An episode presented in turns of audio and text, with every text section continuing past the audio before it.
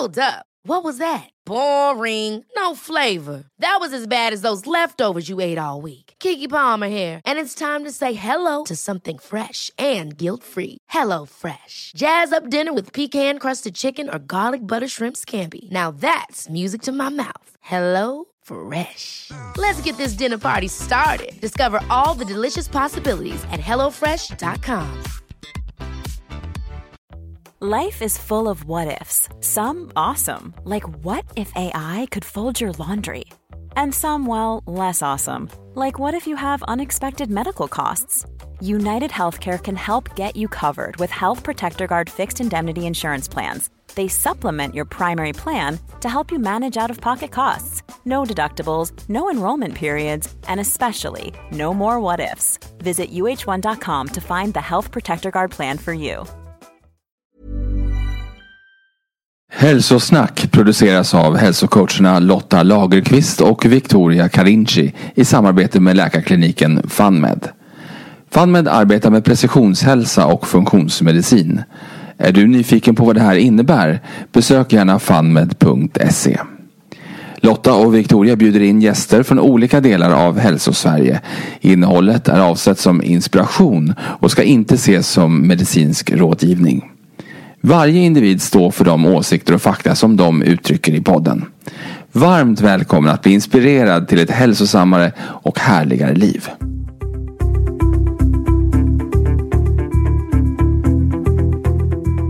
Hej Anna och varmt välkommen till Hälsosnack. Hej, tack så mycket.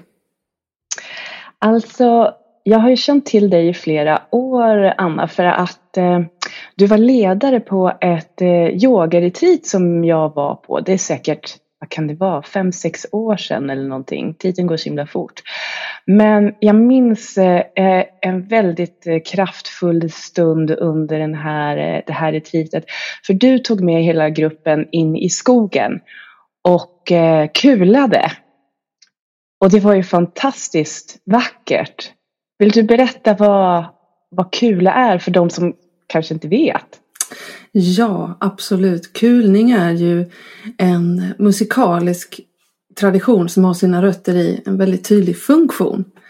Eh, från eh, fäbodkulturen i eh, Mellansverige som har funnits länge, länge, länge men som liksom pikade under bondesamhället och eh, när eh, kvinnorna oftast och ibland också barnen gick upp med djuren under somrarna eh, bort från boplatsen för att spara på betet. Och så befann de sig då uppe i, i, i bergen, i skogarna med djuren. Och behövde ju då, för oftast bodde man eh, väldigt isolerat eller man bodde isolerat och oftast var man kanske ensam med sina djur på en eh, fäbod. Och då för att kunna kommunicera med andra för överlevnad, välbefinnande, säkerhet eh, och bortsprungna djur och för att också få hem djuren när det var dags att gå hem på kvällen när man hade varit ute hela dagen eh, och få ut dem på morgonen och så att man behövde ju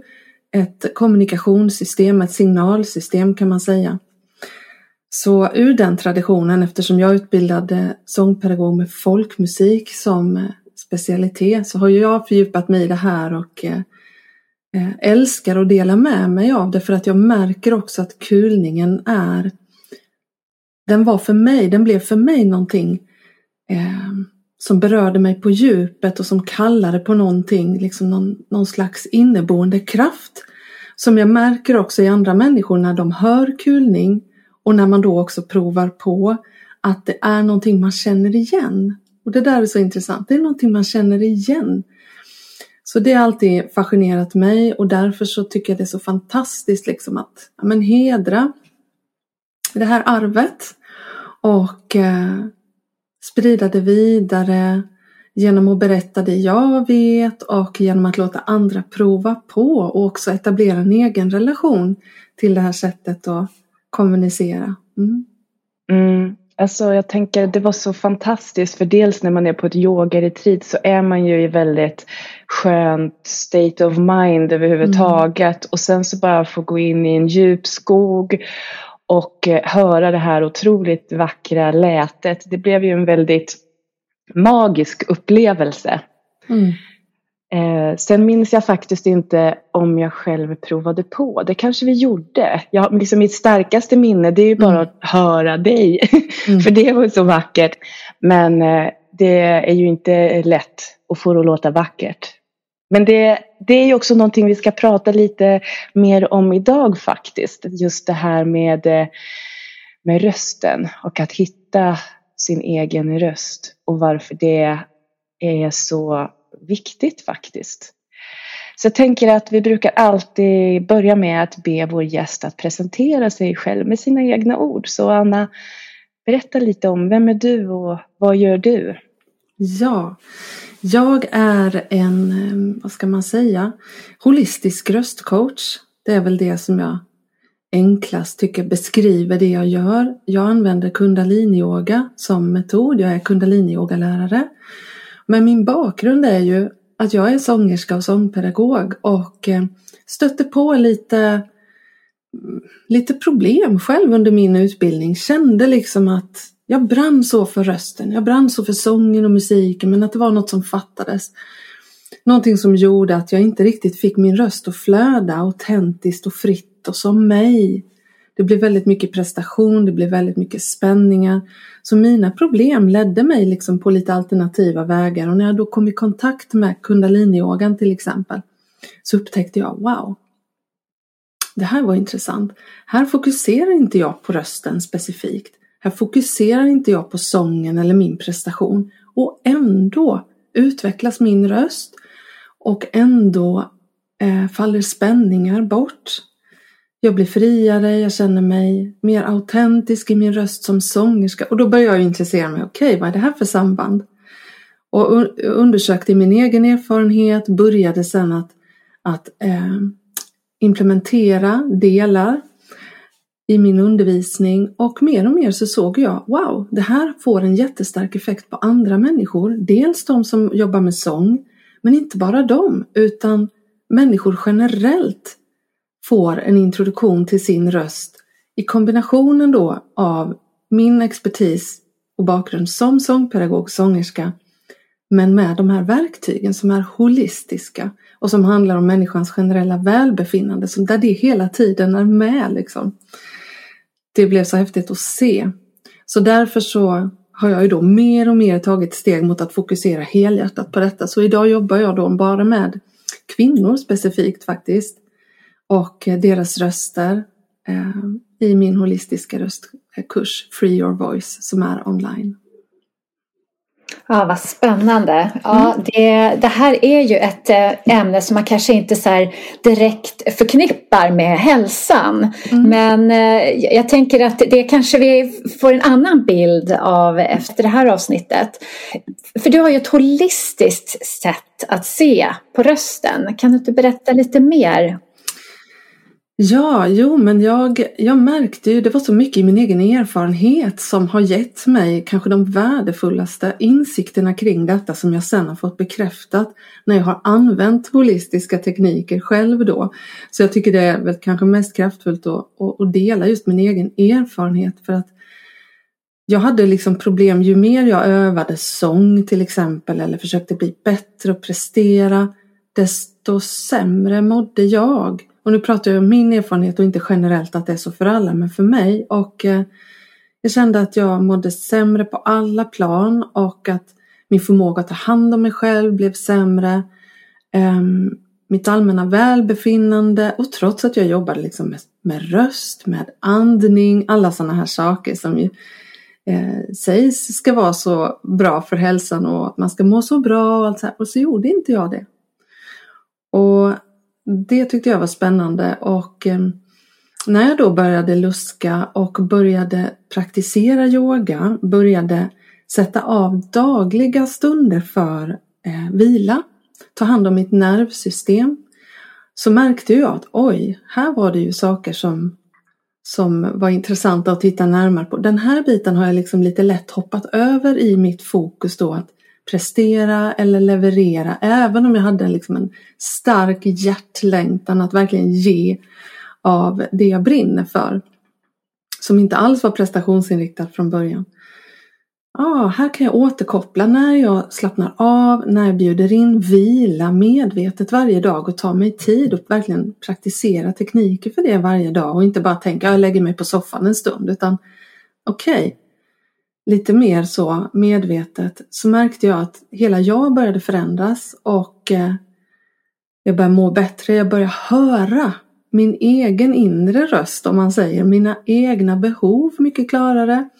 Mitt andetag förändrades så att de där andningsövningarna jag hade gjort för sångens skull eh, på något vis föll mycket, mycket bättre i kroppen. De, de fungerade trots att jag behövde knappt ens göra dem. för att kroppen slappnade av och andetaget fördjupades naturligt. Så de där eh, upplevelserna var väl de initiala och att jag också började kunna höra mer. Vad tycker jag om? När jag började slappna av mer i mig själv, mitt nervsystem blev mer balanserat, mitt andetag fördjupades, då kom jag mer i kontakt med, okej, okay, vad tycker jag är roligt? Utan att jag letar efter det. Det blev mer framträdande. Varför gör jag det jag gör? Varför sjunger jag? Varför? I vilka sammanhang? Vad vill jag förmedla? Ja, men allt det där som har med autenticitet att göra blev liksom mer, eh, kunde jag komma i kontakt med mig själv mycket mer. Så då börjar man ju ta andra val. Då börjar man göra andra val i livet. Så på det sättet så kan jag se ett jätte, en jättestor förändring när det gäller just eh, från att ha jobbat eh, mer traditionellt med min röst och sen då när jag började med den holistiska approachen och hur det då kopplade också väldigt tydligt till min till mitt generella välbefinnande, min hälsa i stort. Jag tycker att det är så, det är så himla intressant för det du har berättat nu och det jag också har hört dig säga tidigare.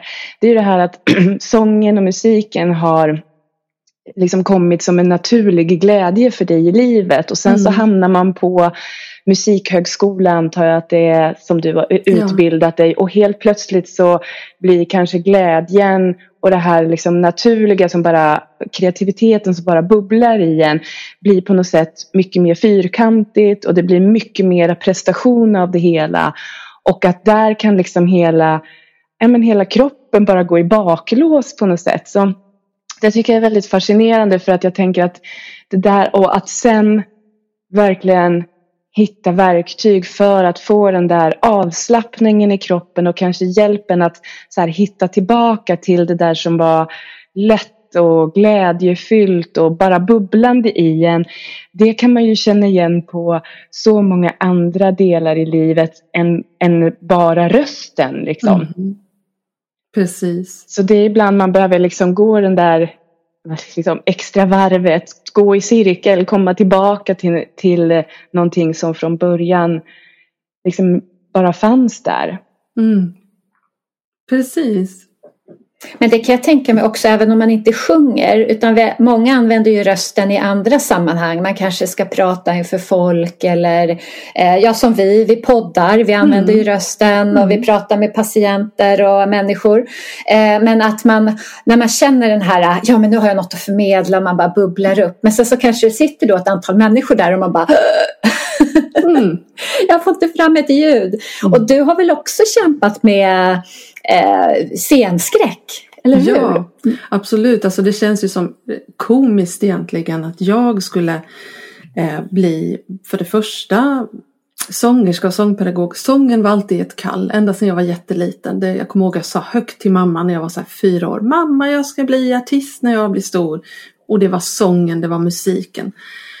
Eh, så det har väl aldrig varit någon, någon fråga om det egentligen för mig. Men jag fick väldigt svår social ångest i tonåren och som blev mer och mer starkare och starkare eh, i min eh, tid som ung vuxen. Och jag eh, kulminerade väl lite kan man säga på musikhögskoletiden. Så det var ju en stor del av min problematik. Och det var ju intressant att jag väljer liksom att gå upp på scen och eh, ställa mig framför alla men det var också någonting jag upptäckte att scenrummet blev ett tryggt rum för mig och det har jag upplevt i mötet med dem jag hjälper idag att det är många som har social ångest av olika slag som kan uppleva att ett kontrollerat, liksom där jag står på scenen och bestämmer vad jag ska förmedla, eh, att man kan känna sig nästan trygg i det.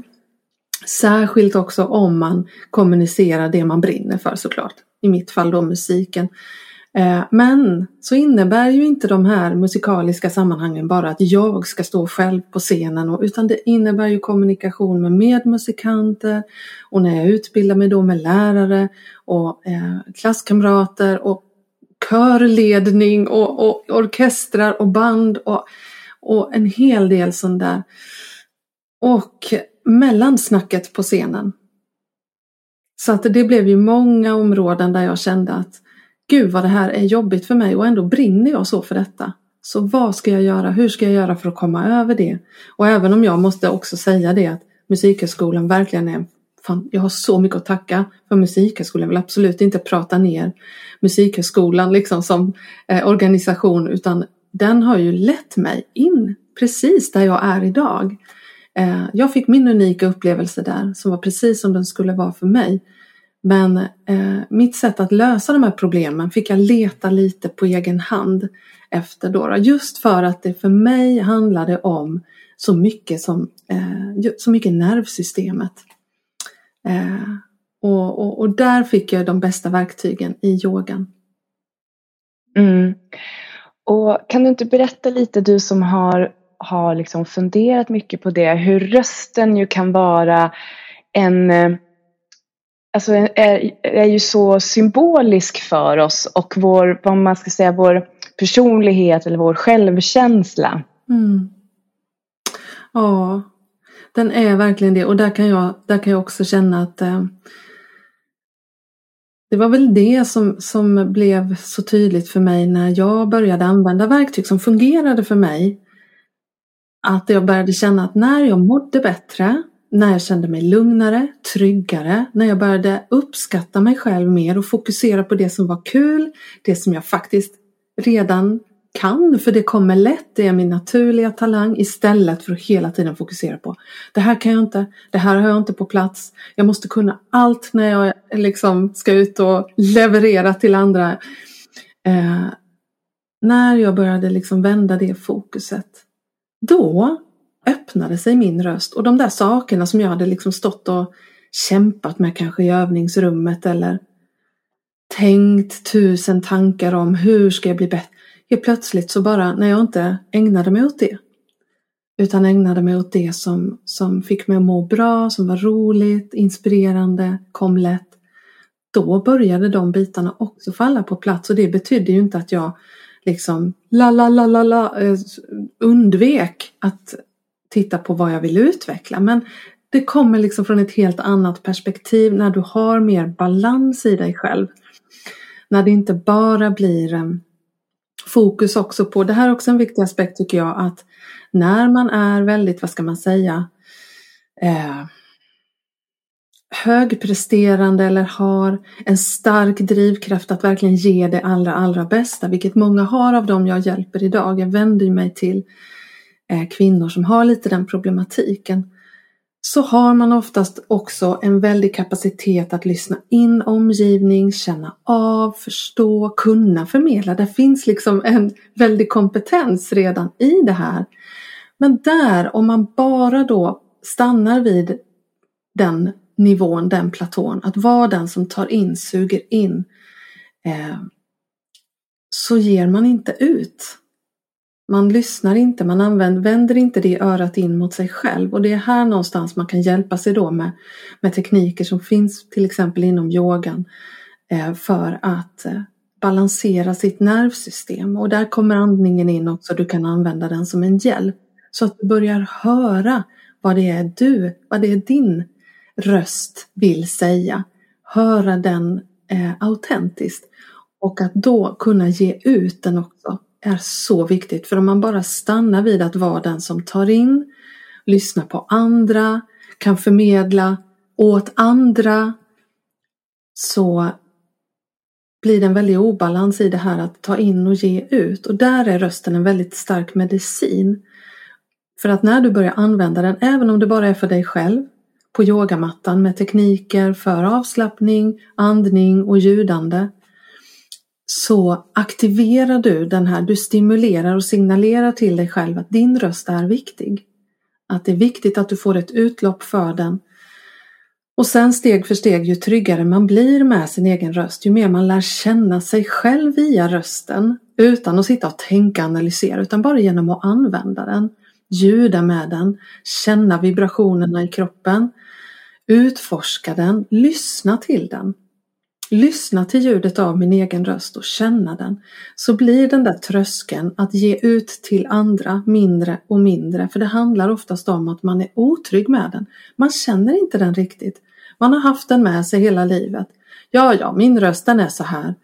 Och så har man bara använt en super, super liten del av den i vissa sammanhang och begränsat sig till det. Så att det är så mycket som kan öppna sig i vår personlighet när vi faktiskt börjar lära känna vår röst.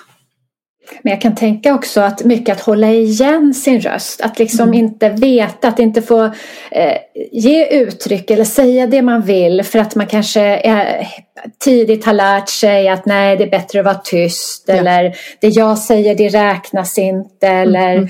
vad det nu är att om man har sagt sin mening så har man blivit eh, emotsagd och inte respekterad. Ja men så här som, som liksom små trauman som sitter ja. som man också behöver låsa upp och som ja, får en negativ effekt på sitt nervsystem helt enkelt. Verkligen. Och jag tänker inom yogan så pratar man ju väldigt mycket om eh, halschakrat också, mm. eller hur? Det är väl väldigt kopplat till just det här. Mm. Absolut, halschakrat är ju liksom en, eh, ett, ett, ett av våra energicentra i kroppen som som eh, är så kopplat till kreativitet, alltså uttrycket för vår kreativitet, förmedlingen av vår kreativitet och vår jag, vårt jag, för, vårt, vår autentiska förmedling av mig själv. Eh, så att eh, det är jättemånga som ju går runt och inklusive jag har ju också jättemycket erfarenheter av det där när, när det finns väldigt mycket ängslan, som du sa precis Lotta också, väldigt mycket ängslan i systemet. Man har prioriterat tillhörighet för att överleva på grund av upplevelser tidigt i livet som vi alla har på olika sätt och som vi alla hittar olika strategier för att eh, leva med. Och detta sätter spår i rösten. Det sätter spår i vår förmåga att autentiskt uttrycka oss för vi slutar att lyssna på oss själva för att vi märker tidigt att Nej, det kan jag inte göra. Jag måste lyssna in rummet här eller ta kontroll över situationen för att överleva då. Så att det här, att använda rösten är ett väldigt kraftfullt återtagande av den egna, eh, det autentiska uttrycket som ju halsen och halschakrat representerar. Och jag har många deltagare också i mina kurser som märker att när de börjar liksom öppna den här platsen i sig själva, börjar ge uttryck för sin röst, om än bara Eh, på yogamattan eller i sitt eget praktiserande så märker de sen att det öppnar upp för otroligt mycket kreativitet i livet i stort. Så det kanske är att helt plötsligt så börjar man dansa eller trumma eller eh, många yogalärare som helt plötsligt börjat använda alla möjliga instrument och aktiviteter i sina yogapass som kommer ur att kreativiteten får ett, ett, ett starkare flöde när man börjar ljuda. Mm. Ja, vad häftigt. Mm. Men eh, vill du berätta lite om eh, vad, vad gör du när du eh, eh hjälper människor att, eh, din kurs heter ju Free Your, your Voice. Så mm. när man frigör sin mm. röstkapacitet, hur gör mm. man? Hur gör du? Ja, man praktiserar, det låter lite tråkigt med det ordet kanske, men man möter sin röst varje dag. Det är metoden. Det är egentligen väldigt enkelt. Det är bara att vi riktar, vi är liksom fostrade in i och lever i eh, en värld där vi riktar vårt fokus väldigt mycket utåt hela tiden. Och eh, för att lära känna, precis som med vad du än ska lära känna, om det är din kropp, eh, kroppskännedom, om det är en plats, så lär vi ju känna genom att umgås med det vi ska lära känna. Så när vi ska lära känna rösten behöver vi umgås med den utan massa andra distraktioner. Bara jag och min röst, bara jag, mig själv och min röst. Korta stunder. Varje dag är det bästa, i alla fall regelbundet. Det är som att man samlar vattendroppar i en skål brukar jag säga. Man, eh, en liten droppe där, de där några minuterna med avslappningen, med andetaget, med ljudandet. Eh, Känns som en kort stund som inte gör någon större skillnad kanske just den stunden. Men när jag tar den igen och igen och igen så är det precis som vad vi än gör. Det blir till ett mönster som blir till en vana. Och har vi då en vana i vårt nervsystem att hamna i fight flight, andningen blir ytlig, rösten blir pipig, vi blir stressade, struphuvudet blir anspänt, får ingen relief för att vi inte stannar och andas djupt när vi pratar. Vi tar oss inte tiden. Vi vågar inte ta utrymmet för att vi signalerar till oss själva, till vår kropp, till vår omgivning att jag är värdefull. Jag har något att säga. Jag har något att bidra med. Det är läskigt för de flesta av oss. Så vi behöver signalera eh, till vårt nervsystem, till hela vår, vår varelse att, vi, att det är tryggt att göra så. Så därför behöver man göra det ofta för att nervsystemet ska skifta över, för att kroppen ska börja lita på att det är okej okay att min röst låter, det är okej okay att den är kraftfull, att den är klangfylld. Och i takt med det så kan man sen också börja bygga på, det gör vi lite senare i kursen, med själva ljudandet och att aktivera eh, kraften i rösten med yogiska tekniker där man jobbar mycket ifrån kraften eh, ett centra som är placerat strax nedanför naveln heter olika saker beroende på österländsk tradition, men det är samma plats. När vi kopplar rösten dit, då kopplar du rösten till din personliga energi och det är en instinktiv upplevelse som bara är solklar i din egen upplevelse. Och få den är kraftfullt och det är bland annat det vi gör när vi kular. Det är därför också det bär fram, det når igenom. Men det handlar inte om volym utan det handlar om kontakt med kraften. Så det får man praktisera. Gör du det varje dag? Ja, det går inte att trycka ner kraften till slut. I så fall blir det väldigt jobbigt. Och det är därför vi har ett supportsystem också i gruppen då i, i onlinekursen att jag är närvarande som lärare, att man har en community med deltagare som man kan bolla med för att inte stå själv. För att det är inte ensam som, det är inte i, i ensamhet som problemen och blockeringarna i rösten har uppstått utan de har ju uppstått i relation med omgivningen som respons. Så därför är det viktigt också när man då möter sina begränsningar, man känner rädslan av Gud vad jag låter helt plötsligt. Vad ska grannarna säga när jag sitter här och ljudar i min lägenhet?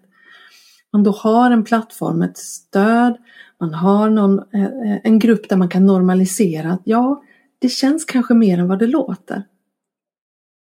Vi stör inte så mycket som vi tror, men det känns inuti nervsystemet för att vi går utanför den där begränsningen som vi har satt upp för oss själva, som vi har lärt oss. Och att ha en lärare som man kan vända sig till, som har gått den här vägen, som också vet hur det känns. Vet den där rädslan, vet hur det känns att leva med begränsningen och att det går om man fortsätter. Have catch yourself eating the same flavorless dinner three days in a row? Dreaming of something better? Well, hello fresh is your guilt free dream come true baby. It's me, Gigi Palmer. Let's wake up those taste buds with hot, juicy pecan crusted chicken or garlic butter shrimp scampi. Mm. Hello Fresh. Stop dreaming of all the delicious possibilities and dig in at HelloFresh.com. Let's get this dinner party started. One size fits all seemed like a good idea for clothes. Nice dress. Uh, it's a it's a t-shirt. Until you tried it on. Same goes for your healthcare. That's why United Healthcare offers a variety of flexible, budget friendly coverage for medical, vision, dental, and more. So, whether you're between jobs, coming off a parent's plan, or even missed open enrollment, you can find the plan that fits you best. Find out more about United Healthcare coverage at uh1.com. That's uh1.com. Jag känner verkligen bara, förlåt att jag bryter in, men jag känner verkligen att jag kan relatera till det. För att mm. när jag var liten så älskade jag att sjunga. Jag var alltid med i skolkören och sen så när jag blev lite äldre tog jag sånglektioner. Men rätt vad det var där någonstans så insåg jag att jag är inte tillräckligt bra. Jag är inte så bra för att sjunga liksom. Och där tog det stopp. Mm. Eh, så att antingen ska man gå, liksom, satsa på det och bli mm. någon.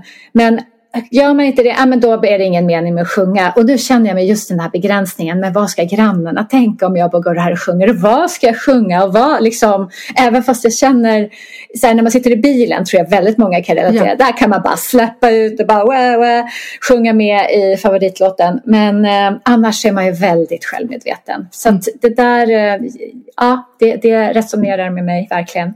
Ja, fint att höra och tack för att du säger det också med din upplevelse för att den hör, den hör jag ofta. Och det är någonting som är en del av min, det jag brinner för, att liksom verka på gräsrotsnivå eh, för en förändring när det gäller vår relation, vår kollektiva kulturella relation till sång, vad det är. För att det har blivit helt tokigt tycker jag. Alltså rösten, sången är ju vårt, vår själs språk. Det är vårt själs vår själs uttryck. Och alla har en röst, alla har sång. Det är ett universellt språk som vi kan förmedla oss med, som vi kan förstå varandra genom. Och det är allas språk. Och det har blivit så tokigt det här, jag pratar nästan dagligen med kvinnor som förtvivlade berättar att ja, jag fick höra när jag skulle sjunga i musiken i skolan så fick jag höra, fick jag ställa mig framför klassen och sjunga och så fick jag veta att nej du kan inte, du får inte vara med. Det här sker ju inte nu för tiden. Tack gode gud, vi har kommit längre än så men väldigt många lever i, i min ålder eh, och, eh, och, och äldre såklart men även yngre som lever med upplevelsen av att någon gång faktiskt ha fått en, en respons som säger att nej, Sång är bara för dem som kan och du kan inte. Och det här är helt galet. Det är liksom, det är bara, det är, det är inte rätt. Det är inte så det är. Men om vi odlar den missuppfattningen och hela tiden bekräftar den och, och inte inkluderar alla människors röster, ja, då, då är det så vi tror att det är och då är det så vi relaterar till våra röster och våran sång. Men eh, nej, jag blir lite uppeldad för jag tycker det är så, det är så smärtsamt och det är så sorgligt. Och jag märker ju när jag pratar med kvinnor som har, och det här gäller ju alla såklart, inte bara kvinnor, men nu jobbar jag specifikt med kvinnor och när jag hör dem berätta vad det här har satt för spår. När de väl får prata om det och, och utforska det i ett samtal så märker ju de att ja, det här är ju en del av mig som aldrig har fått blomstra och eh, när den väl får göra det sen när de, om de går med i kursen och ger det här utrymme och hittar sitt sätt att sjunga. För det finns ju så många sätt att sjunga på. Man behöver inte vara med i Idol för att sjunga eller vara en världsartist eller precis som du sa, liksom vara en scen. Eh, man behöver inte framträda för att sjunga liksom. Men eh, mm, så det, det är viktigt. När, när, du pratar nu då inser jag att eh, alltså det här gäller ju mig själv också i allra högsta grad. För att jag är ju också en av dem som fick höra att jag inte kunde sjunga. Det var ju väldigt populärt med Melodifestivalen när jag var liten. Det är det ju nu med. Men jag mm. följer inte lika mycket. men då var det ju verkligen så här. Åh, nu kommer det nya artister och nya låtar. Och eh, så skulle man liksom sjunga och, eh, och dansa till det och liksom låtsas vara dem. Mm. Och då var det någon gång som min mamma sa till mig att ja men Victoria du, du sjunger inte så bra, du kommer aldrig, du kommer liksom aldrig bli en sångerska. Och, och jag har förlåtit min mamma. Jag vet att hon menade bara väl tror jag. Mm. Att liksom så här, don't waste your time lite grann. Eh, men och sen så är det också väldigt mycket så att jag hör ju själv att jag inte sjunger bra. Jag kan inte hålla tonen och eh, men jag har ju också vid flera tillfällen i livet känt att så här, jag, menar, jag tror att det här att sjunga är så himla härligt och jag tror att det är väldigt liksom, men bara det är väldigt hälsosamt att sjunga och att sjunga tillsammans med andra i kör. Så att för några år sedan då, då skulle jag göra en liten satsning och jag gick med i en sån här alla kan sjunga kör och gick dit. Men då blev ju även det så himla avancerat för att vi var inte jättemånga i kören och så skulle vi delas upp i grupper och sjunga stämmor. Och du vet, jag menar man kommer ju till en alla kan sjunga kör just för att man inte kan hålla en stämma. Så kände jag i alla fall. Så när vi stod där kanske tre personer och skulle sjunga vår stämma och jag inte, jag, jag, jag sjunger ju den så falskt. Så till slut så gick ju inte jag dit mer för att jag bara det här är verkligen ingen glädje eller avslappning utan jag blev mm. ju bara otroligt självmedveten att men alltså jag vill bara sjunga en härlig poplåt i grupp där ingen annan hör min röst men mm. jag kan liksom eh, ta i och liksom sjunga för kung, kung och fosterland. Liksom. Ja. Men det inser jag också nu när du, när du pratar här att så, här, så sången, alltså jag, den finns ju nästan inte för mig överhuvudtaget. För att jag sjunger ju inte ens liksom hemma, inte ens för mig själv. Mm. Just för att jag hör att det låter så illa. Mm. liksom. Så att jag mm. stör både mig själv och andra. Mm. Och det är ju jättesorgligt inser jag nu. Mm. Sjöng du mycket under din uppväxt eller slutade du när du fick responsen att nej det där ska du nog inte? Sjöng du liksom alltså, i kör som barn och sådär? Ja, jag, eh, jag bodde på landet så det fanns inte så mycket liksom, aktiviteter att välja på där. Mm. Så jag var med i kyrkans kör, ja, så där ja. sjöng vi ju. Och sen så hade vi en, en musiklärare som bodde i byn också. Hon skulle sätta upp lite musikaler ibland och så. Men där var det också så att först skulle jag få någon slags huvudroll i en sån här musikal. Men sen tror jag att det blev väldigt uppenbart att att eh, jag inte kunde bära upp den. Så då, mm. då blev det bytt liksom på något mm. sätt. Så att jag mm. tror att, eh, eh, ja, och, och liksom det har jag ju bara accepterat för att jag menar, det hör man ju. Man vill ju gå och lyssna på en musikal och det låter bra såklart. Mm. Mm. Nej men precis, jag fattar så väl det. Just den där, eh, jag fick också en kommentar när jag var liten. Jag sjöng med, jag var så otroligt eh, glad och frimodig och skulle sjunga ett solo för hela skolan. Jag var tio år och jag sjöng en gång jag seglar i hamn, alltså en riktig sån gammal dänga där. Lite så här lillgammal och så präktig stod jag där och sjöng för full hals och jag var så jäkla nöjd. Och sen efteråt, för jag kände ja men det här är ju det jag ska göra i livet liksom. Jag, det här är ju, jag har ju koll på detta liksom. Och ja, jag, det var mitt, det var mitt liksom forum kände jag. Sen efteråt så kom en kompis fram sa Hennes syster var jätteduktig sångerska. Min syster sa att du bara skriker när du sjunger. Och det kommer jag aldrig att glömma. Och jag har ändå ägnat sedan hela mitt liv åt detta, blivit sångerska, sångpedagog, hjälper andra idag. Jag kommer aldrig att glömma det. Och ja, någonstans så finns ändå kommentaren där. Och det säger så mycket om vilken impact eh, responsen vi ger till varandra på våra röster har. Att rösten är en sån del av vår person och det är en väldigt känslig del av vår person. Ja men verkligen, det är väl för att mm. vi utlämnar oss en del ja. liksom, när, vi, när vi höjer vår röst eller uttrycker oss via rösten. Ja. Bara det här att när man lyssnar på inspelningen, nu är jag van att lyssna på min inspelade röst men ja. det är fortfarande jättejobbigt. Mm. Jag vet, det är samma för mig. Det är samma för mig när jag hör mig själv. så är det sådär, jag börjar vänja mig men mm, just det, just det liksom. Mm. Ja, men att det är så eh, ja. djupt ändå. För vi kan ju se oss mm. själva i spegeln. Det är mm. ju inte alls lika jobbigt som att lyssna på en inspelning av vår röst. Nej, så kanske det är för de flesta. Jag vet inte, men för mig är det ju definitivt eh, så också att det är, det är svårare med rösten och jag tror att det har att göra också med att den låter annorlunda utifrån jämfört med hur den låter inne i kroppen. Men, ja, ja mm. men precis. Det man har en annan klang i huvudet. Än, ja, eh, mm. precis. Men så att där kan man faktiskt, men jag tycker ändå att ju närmre man kommer sin egen röst, ju mer man umgås med det, desto lättare blir det ändå att, att förhålla sig till den på alla sätt. Det blir precis som att man, man eh, Ja, men som en, som en vän. Som en vän som man känner och vänner man har, man älskar kanske inte allt med dem eh, på alla plan och i alla stunder. Och så är det ju liksom med en själv också, att man blir triggad och, och sådär när man hör sig själv ibland. Men att det behöver inte vara ett så stort problem. Det behöver inte göra att man eh, begränsar sig i livet tänker jag. Och jag tänker också som du berättar Victoria just det här att att jag tror det är så viktigt just att det finns forum för en att återta sin röst och återta eh, sången på ett sätt som känns rätt och levande. Så jag tror att det är, det är väldigt viktigt med att hitta de där sammanhangen där man känner att, att man vågar.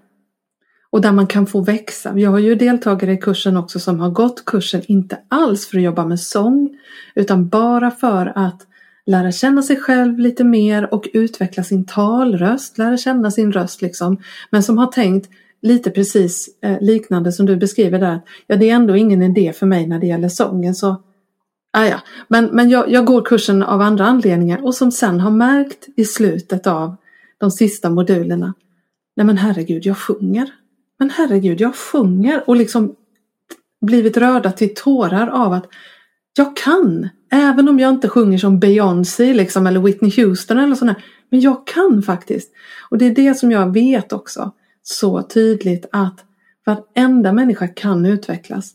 Att inte kunna eh, ta toner eller känna att man är så här, jag kan inte sjunga rent, jag kan inte pricka dem, jag kan inte hålla kvar vid dem. Det är en träningssak.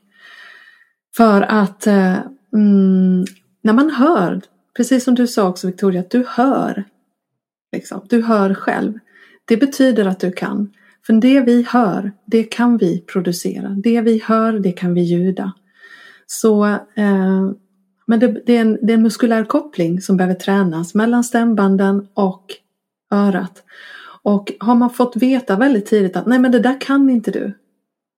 Då är det väldigt, väldigt svårt att lita på det och då är det väldigt smärtsamt att igen och igen sätta sig inför den om man inte har rätt support eller tekniker som man känner. Eller ett sammanhang där man känner att ja, här går det lätt, här vågar jag liksom. Så det, man får liksom, ja det är viktigt att hitta rätt sammanhang där. Mm. Men det är intressant att veta för att jag har verkligen tänkt på det också det här att jag jag hör ju att det inte blir rätt men varför kan jag inte få till det då? Mm. då? Vad, är liksom, vad är problemet? Ja. Man behöver göra det igen och igen och man kan behöva stöd. Eh, eh, för att det det också handlar väldigt mycket om är att när man är osäker på den här eh, just den här delen att ta en ton, hålla en ton, sjunga rent, sjunga rätt toner. Då sjunger man svagt. Kan du känna igen dig i det? Då, då, då är man väldigt försiktig. Och när man är väldigt... Eller helt tyst bara. Ja. Men, och då blir det väldigt svårt när man är helt tyst. Men även om du sjunger försiktigt så det som händer är att du kan inte hålla tonen. Du får inte tag i tonen, du förankrar inte tonen i kroppen för du vågar inte det. Precis som när vi inte vågar säga vår mening eller säga ifrån så kommer vi inte heller åt rösten. Den blir tunn och pipig och, och, och den bryts och sådär för att vi inte förankrar den i kroppen. Så man måste liksom kasta sig ut lite där och man måste våga komma i kontakt med eh, förankra rösten i kroppen. Är man rädd att det ska bli fel, då gör man ju inte det. För då hörs det ju dessutom. Då hörs ju. Så då blir det en sån, ett sånt här moment 22. Mm. Ja men du Anna, skulle du kunna ge några initiala tips och, och råd, några verktyg som eh, sådana mm. som jag och säkert många andra som lyssnar som känner igen sig i de här mm. eh, historierna. Var, var, kan man börja? Mm. Det första som jag kommer att tänka på när du ställer frågan det är att börja med något så enkelt som att prata tills luften tar slut. Oftast när vi pratar så stannar vi och kippar efter luft hela tiden när vi samtalar. Eller man, som nu pratar jag, har satt igång någonting som jag pratar och då pratar jag ända tills min luft tar slut. Och sen släpper jag ut magen och låter luften strömma in genom näsan utan ansträngning. Så jag drar inte in luft. Jag stannar inte mitt i en mening och drar in luft, vilket vi är vana vid. Det är så vi liksom gör om man säger. Eh, men om man istället pratar till punkt, det som händer då är att du tömmer lungorna. För att kunna fylla lungorna i botten, för att kunna få ett djupt andetag så måste du, nyckeln till inandetaget är utandetaget att tömma. Så nu överdrev jag det lite och pratade tills det nästan inte fanns någonting alls. Och att släppa ut magen, det är också någonting. Många går och drar in magen. Det skapar en jättespänning i hela systemet, i hela respiratoriska systemet. Så att bara så fort du kommer att tänka på det, när som helst, vad du än gör, om du samtalar med någon eller om du står och gör någonting, du kanske eh, kör bil eller diskar eller städar eller vad det nu än kan vara, bäddar sängen, sitter framför datorn. Att andas ut, låta andetaget verkligen eh, tömmas. Och man kan hjälpa till lite genom att skjuta naven mjukt mot ryggraden mot slutet av en mening när du pratar. Eller när du bara sitter med en utandning. Och sen släppa ut magen därefter. Och låta luften, för då kommer det som en rekyl, en spontan inandning. Och den kan kännas, det kan kännas ovant till en början. Nej, men jag måste visst dra in luft. Det tar ett tag för kroppen att vänja sig. Att slappna av på det viset med inandetaget. Och att våga tömma lungorna. Ibland tror vi, nej men då får jag ju ingen luft. Nej, just det. Och när du tömmer, då får du in också ordentligt och då blir det det där ansträngningslösa och det blir en total avslappning i både struphuvud. Eh, du kan också, om du kommer att tänka på det, eh, hinner med i vardagen, lägga märke till att käken också får lättare att slappna av när du andas in på det viset. Så det är grunden. För när du sen börjar tala därifrån kan du känna in hur det känns när magen får falla ut.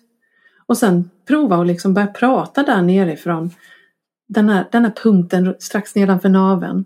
Kan jag liksom börja prata därifrån? Kan jag aktivera rösten därifrån? Bara börja reflektera över det.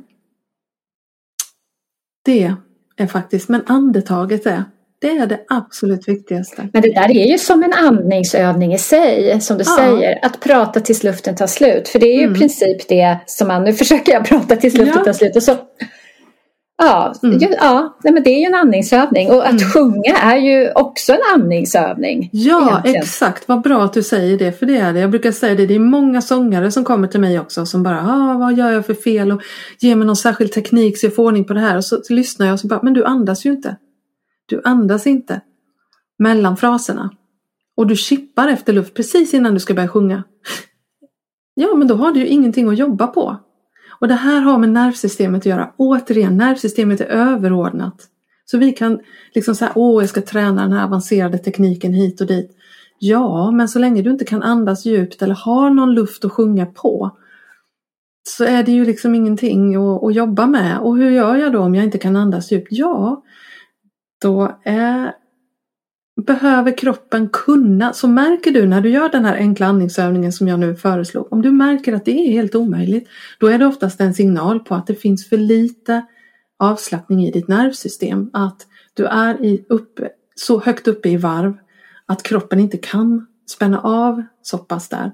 Och det behöver man inte heller känna sig helt misslyckad för, utan det är väldigt vanligt.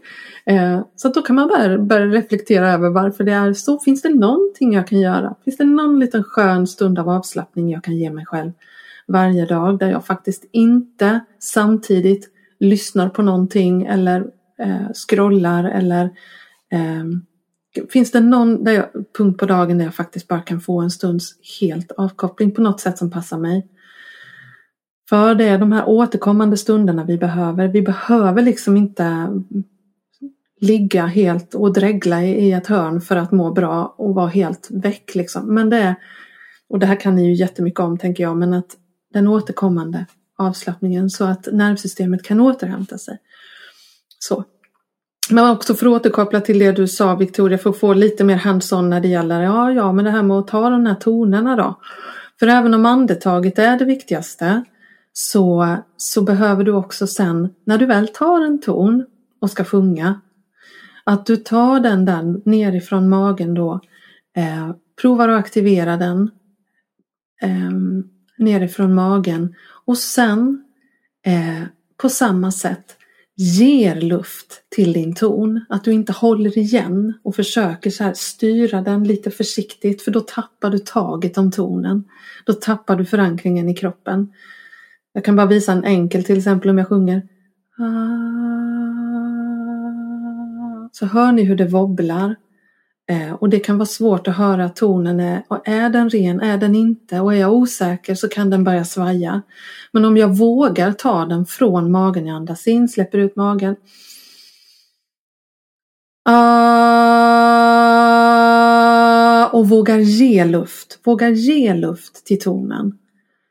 Då bär den. Då får den en chans att stabilisera sig. Och det där är en träningssak såklart. Men, jag tycker det är så skönt att du säger att det är en träningssak. För det här är ju det som är att vi har blivit programmerade att lära oss att nej, kan, man kan sjunga eller ska man inte sjunga. Precis. Helt Men att galet. det är en muskel, precis som allt annat. Sen som du säger, man kanske inte blir Whitney Houston. Men det, det, man behöver inte vara det heller. Nej, eller hur? Varför måste vi vara det för att få sjunga? Det är så, det gör mig så ont eh, att se detta. Att, eh, att vi tror någonstans att och någonstans som jag faktiskt granskar mig själv riktigt noga, kanske var det därför jag gick Musikhögskolan och alla mina utbildningar, kanske var det en bidragande orsak att jag trodde att för att få sjunga, för att få ägna mig åt det som min själ längtar efter, det, där jag känner att här lever jag, då måste jag pressa mig själv och jag måste träna mig själv, jag måste bli bäst. Det är inte sant. Mm. Visst ger det hopp, Victoria? Det ger hopp. Ja. Vi får se, om några månader kanske jag ska sjunga en sång här i podden. Ja, varför inte? Varför inte? nej, nej, jag känner direkt att det, det, med hela min kropp säger nej nu. du behöver inte börja se. med podden, du kan börja med Charlotta bara innan ni sätter ja, igång mikrofonerna. Ja. Mm, mm. Vi kan sjunga lite Waka Waka. ja. Ja, men vad fint Anna. Tack så jättemycket för att eh, du har delat allt det här eh, idag. Det gav flera tankeställare och eh, ja, vår röst är viktig mm. på så många plan. Mm. Och varje röst är så unik också. Det är också en viktig bit. Att, att det sättet som jag sjunger på, den, den vibrationen jag förmedlar, förmedlar ingen annan. Och så är det verkligen med varje röst. Det är därför det är så viktigt att, att röster får höras var och en på sitt sätt. En del sjunger mer, en del sjunger mindre, en del pratar mer, en del pratar mindre. Men eh, mm. Så man kan ju bli rappare också.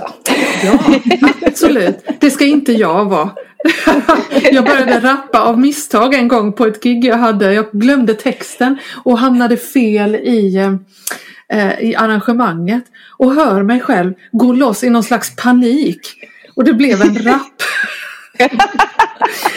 och mina medmusikanter, ja, vi hade väldigt roligt efteråt. Och då kände jag väl kanske lite, det där ska jag det, där behöver jag, det här behöver jag inte fördjupa mig vidare i. Det finns andra, det finns andra som sköter detta. Så bra. Men det kan hända den bästa alltså. Ja. ja. Mm. Mm. Ja, men du Anna, vi har eh, två sista frågor som mm. vi ställer till alla våra gäster. Och eh, den eh, ena av dem är, vi är nyfikna på om du har någon daglig rutin. Mm. Någonting som du gör varje dag som får dig att må bra. Ja, det har jag. Varje morgon så har jag en stunds meditation, mantrameditation och ett yogapass varje morgon. Eh, så otroligt skönt sätt för mig att starta dagen på. Jag brukar också börja med att eh, ta en, en kalldusch. Mår jag jättebra av. Och eh, ja, skrapa tungan, dricka vatten med citron i. Men jag har min lilla procedur liksom. Eh, innan jag sen sätter mig och mediterar, chantar mantra och gör min yoga. Och sen så dansar jag också varje dag. Det är en jätteviktig rutin jag har. Jag sätter av minst fem minuter där jag bara dansar till musik som jag inte kan låta bli att dansa till. Det har gjort jättemycket för mitt välbefinnande och det gör jättemycket för min röst också. För att där kommer jag i kontakt med det där. Det där, det där i min kropp som, som motsvarar det sången är i min röst. Själen liksom. Mm. Mm. Ja men vad härligt, det är så sant. Och det här är ju en hälsopodd. Mm. Så om man bara kan eller får göra en sak för sin hälsa. Vad tycker du att man ska göra då? Det är att andas. Det är att andas. tömma, luft, tömma lungorna på luft och så släppa ut magen och låta luften strömma in. Och den ska strömma in genom näsan ska jag också tillägga. Så blir det bäst. Mm. Mm.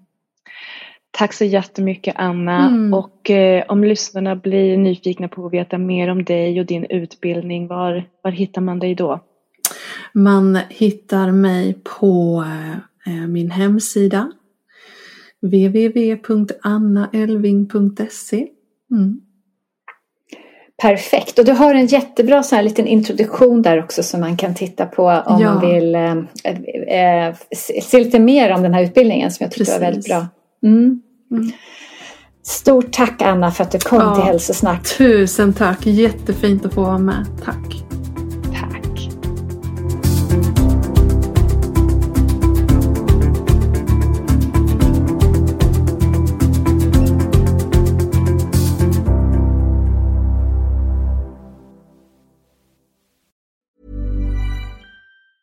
Ever catch yourself eating the same flavorless dinner three days in a row? Dreaming of something better? Well, HelloFresh is your guilt-free dream come true, baby. It's me, Gigi Palmer. Let's wake up those taste buds with hot, juicy pecan-crusted chicken or garlic butter shrimp scampi. Mm. Hello Fresh. Stop dreaming of all the delicious possibilities and dig in at HelloFresh.com. Let's get this dinner party started.